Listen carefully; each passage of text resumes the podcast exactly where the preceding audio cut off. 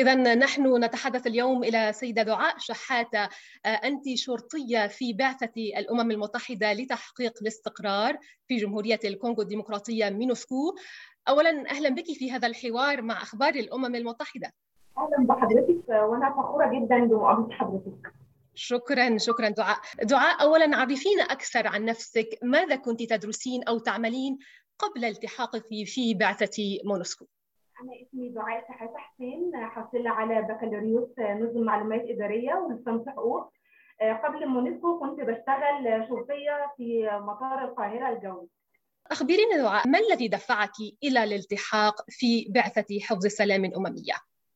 سمعت من زميلاتي اللي سبقوني في المشاركة بالوحدة المصرية ببعثات حفظ السلام عن الخبرات والمهارات اللي بتكتسبها من العمل بالأمم المتحدة. وساعدتهم بمساعدة الناس في دول البعثات وده خلاني عندي حماس كبير جدا إن أنا اخد التجربة ديت. وشجعني كمان اهتمام وزارة الداخلية المصرية بزيادة عدد العناصر النسائية بعمليات حفظ السلام. وكان بيتم عقد مقابلات ولقاءات ودورات تدريبية لتعريفنا بالواجبات والحقوق والمزايا اللي هتعود علينا من هذه المشاركة. دعاء هل كان أفراد أسرتك مشجعين لقرارك؟ هل كانت هناك مشاكل؟ كيف كانت رده فعلهم عندما أعلمتهم بقرار التحاقك بمونسكو؟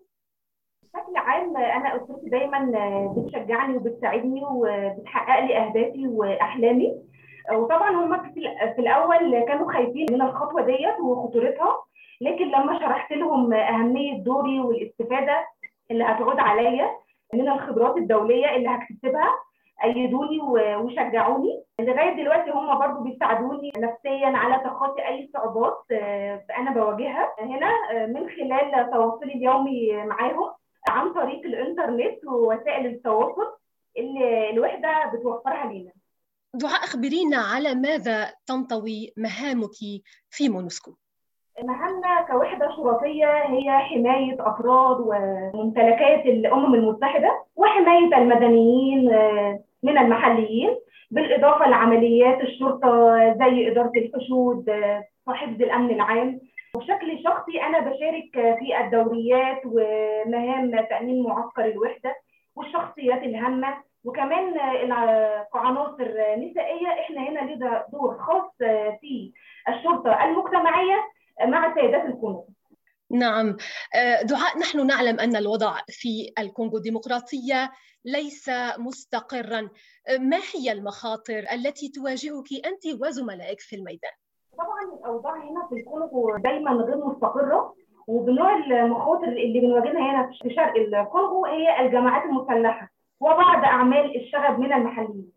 وده أصلا سبب وجودنا كبعثة حفظ سلام بنواجه الموضوع دوت بإننا بن بنكون دايما جاهزين ومستعدين لأي مخاطر بتواجهنا هنا.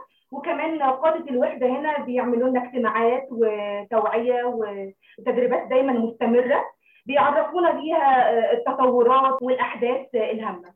دعاء خلال تعاطيك مع السكان في الميدان مع السكان المدنيين هل من مواقف معينة حصلت معك وأثرت فيك؟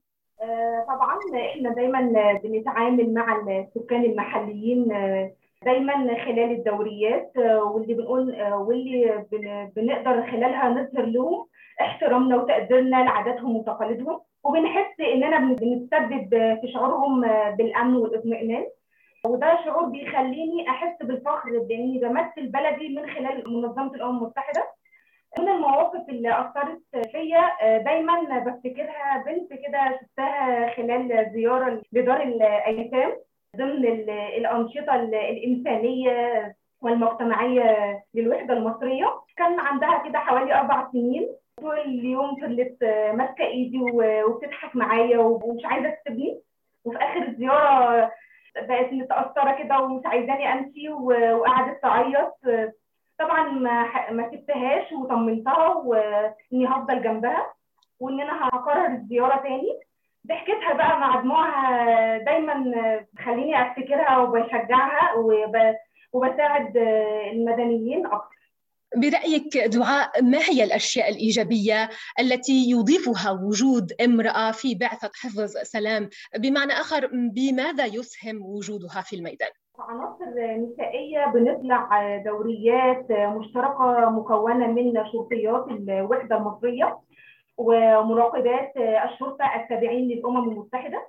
وبنقدر نساعد سيدات الكونغو إنهم بيتعاملوا معانا بدون أي خوف وبدون أي إحراج من غير أي حواجز خصوصا في الأمور النسائية. دعاء ماذا أضاف لك هذا العمل؟ وكيف أثر على شخصيتك؟